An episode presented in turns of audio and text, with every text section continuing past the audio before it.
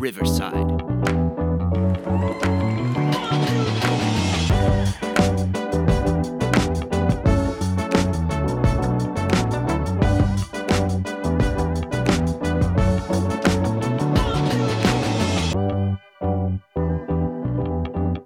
Ja, Gaute, hjertelig velkommen til en ny episode av Ungwarning-podden. Yes, da er vi tilbake igjen. Ja, episode nummer fire. Det, jeg tenker at i det tempoet her så har vi snart lagd like mange episoder som sesong én og to til sammen. Ja, det har blitt ganske mange siste ukene nå. Så det, Ja, men det er jo mye som skjer, og det er spesielt på denne tiden av året, vintertider, da er det mye som skjer innenfor uh, bowlingen. Eh, men jeg kan jo være såpass ærlig, vi kan være såpass ærlige med lytterne våre, Gaute, at det er jo ikke første gang vi spiller inn denne episoden.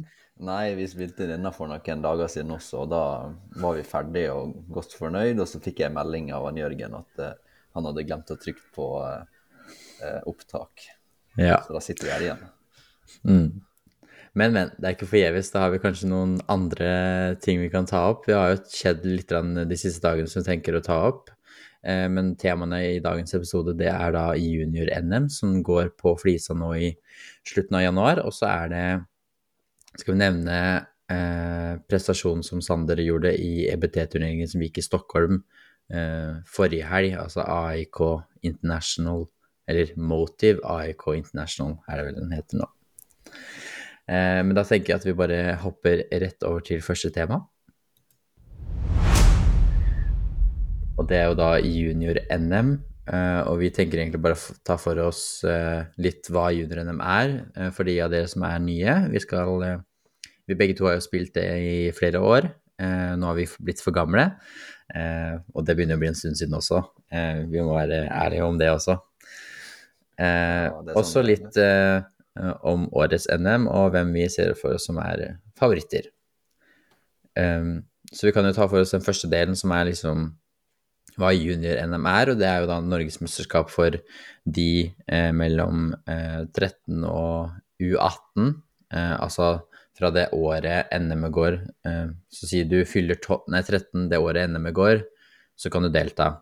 Så for i år så er det de som er født i 2011 eh, til eh, du er U18, det vil si eh, 2006, eller om du er født sent, som 2005. Yngre og eldre, det skilles på om du er født 16 år innen eh, junior-NM starta. Altså, nå blir vel det Jeg har ikke datoen. Den 6, 26. januar. Så, så si du kan eh, være såpass uheldig hvis eh, du fyller 16 den torsdag 25., så er du eldre, og blir du 16 lørdag 27., så er du yngre. Så det Så det deles inn i, i to klasser per kjønn, så totalt fire klasser da. Eh, yngre og eldre, eh, jente og gutt. Eh, og så har man dobbel jente og gutt.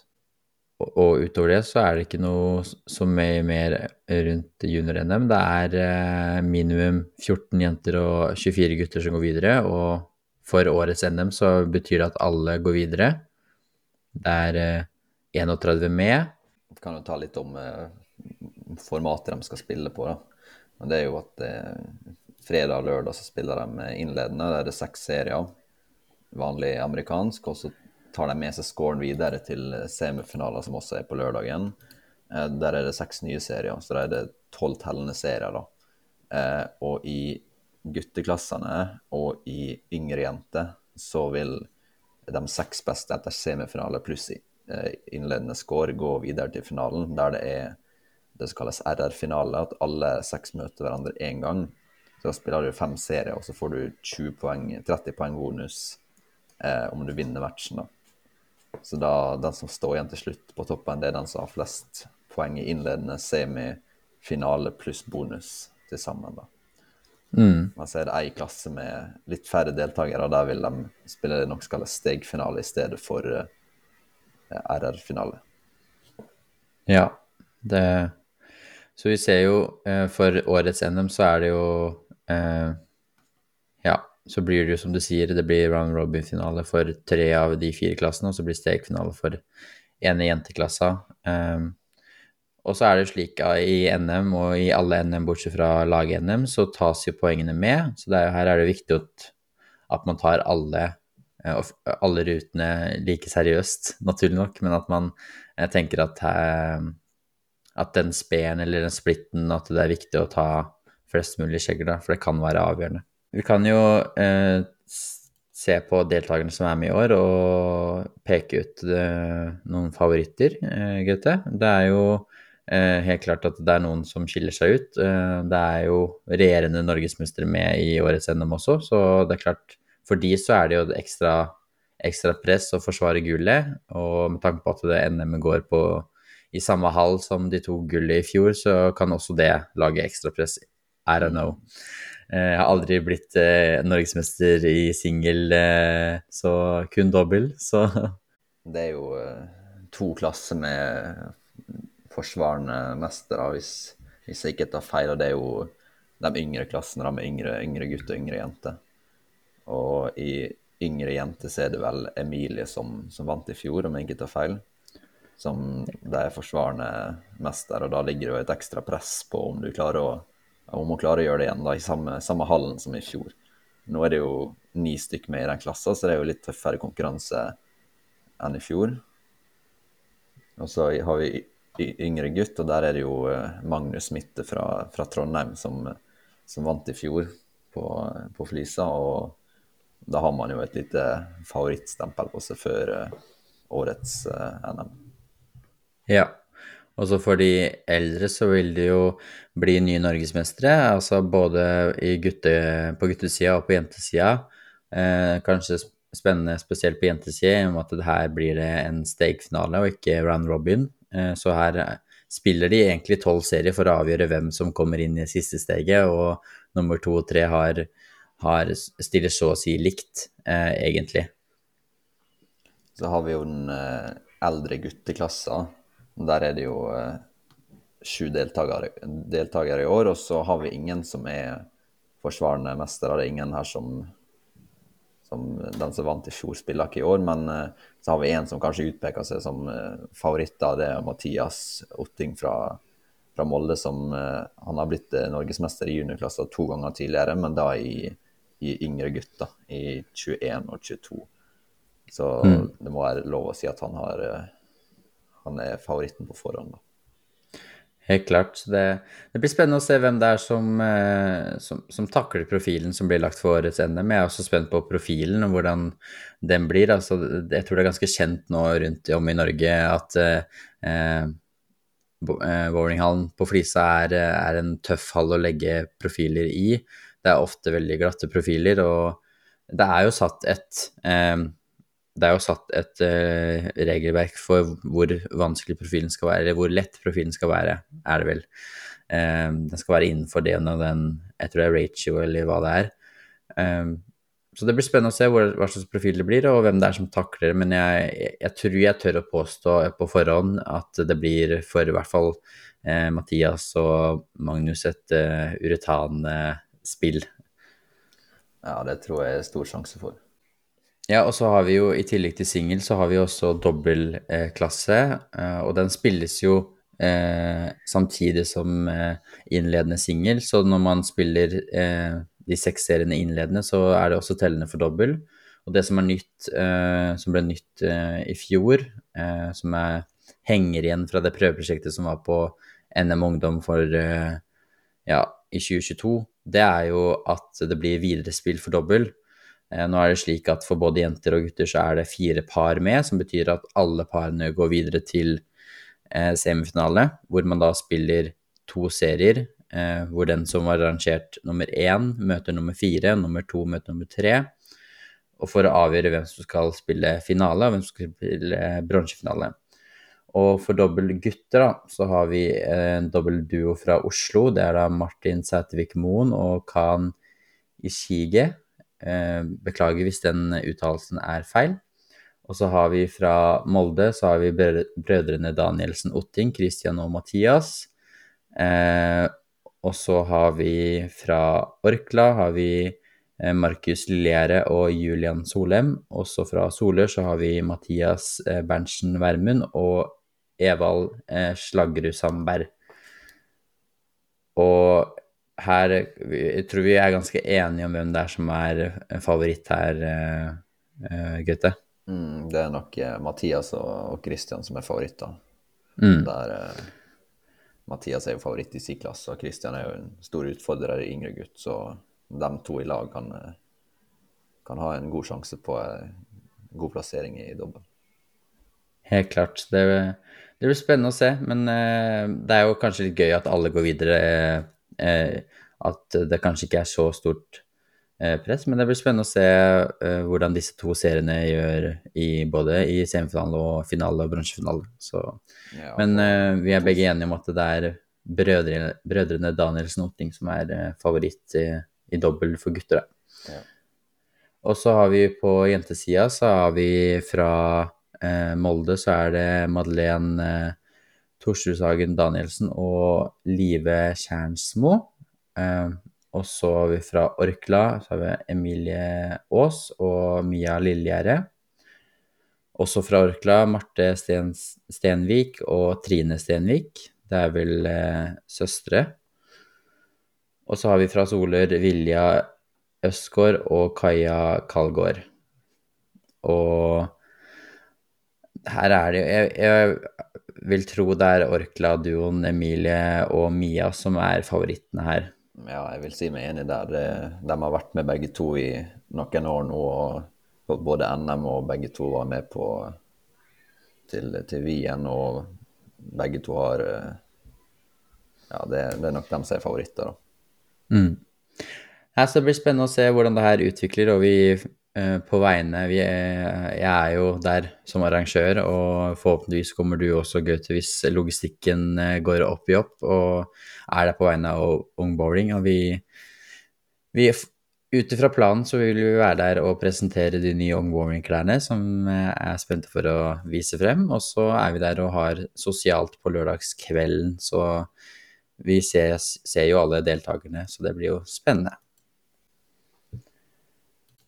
Jeg tenker at vi egentlig bare hopper over til neste tema, ja, Gaute. Det kan vi gjøre. Og det er jo da EBT, og nok en ungdom har prestert i utlandet, i Sverige. Eh, og denne gangen så var det EBT-turneringen eh, Motive IK International, eh, som spilles i Stockholm. Hit var det jo også flere nordmenn som tok turen. Eh, dette er hakket større turnering enn den som vi hadde om i forrige episode. Eh, her er det 335 spillere som deltar. Eh, og da tilsier det også at det er en del flere som går videre enn de gjorde i Mora.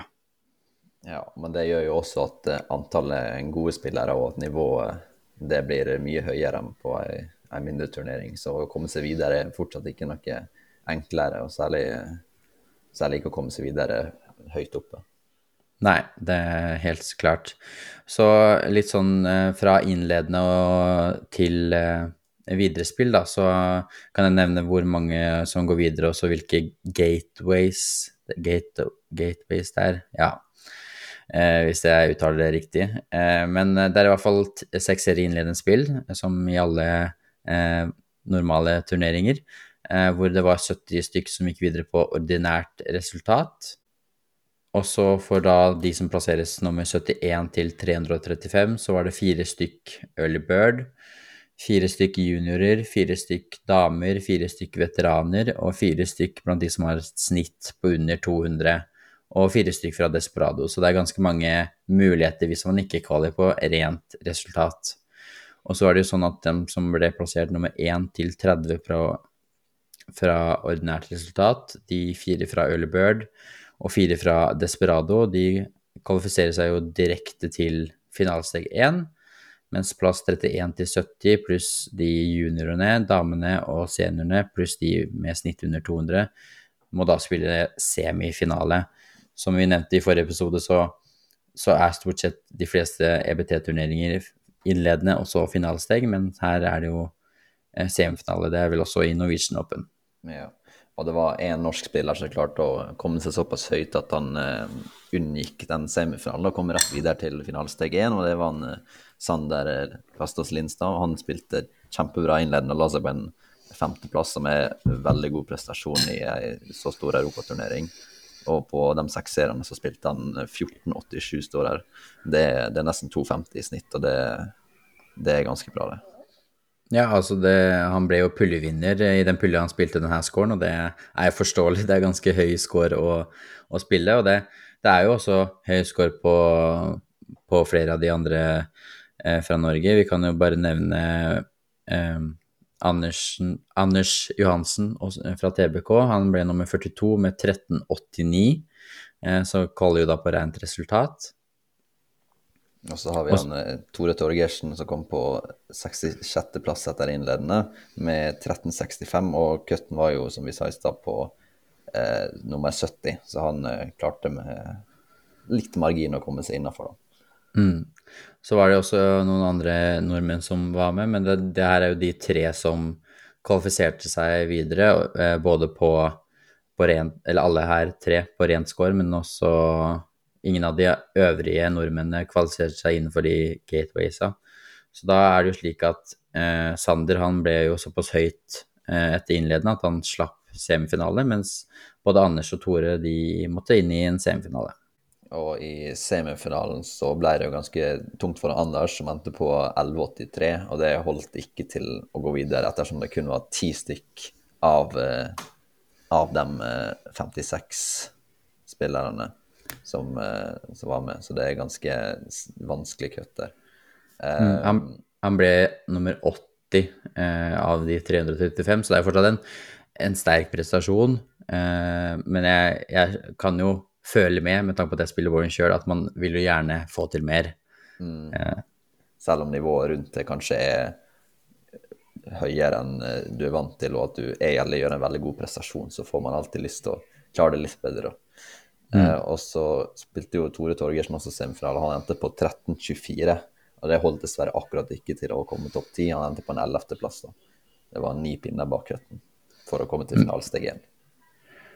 Ja, han ble nummer 11 i semifinalen, men sånn totalt sett så ble det nummer 49 da, av 335.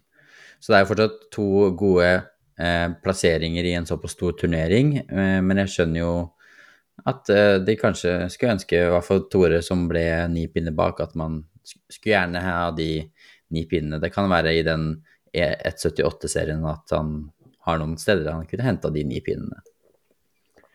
Så da var det jo slik at ingen av de klarte å kvalifisere seg til finalesteg 1, men dit er jo Sander uh, Kassos Lindstad å finne, i og med at han ble nummer fem fra innledende. Og i finalesteget så er det da 48 spillere som skal spille seks nye serier. Eh, og de da kjemper om eh, 24 plasser, så betyr det at det er en halvering da, av, eh, av antall plasser videre.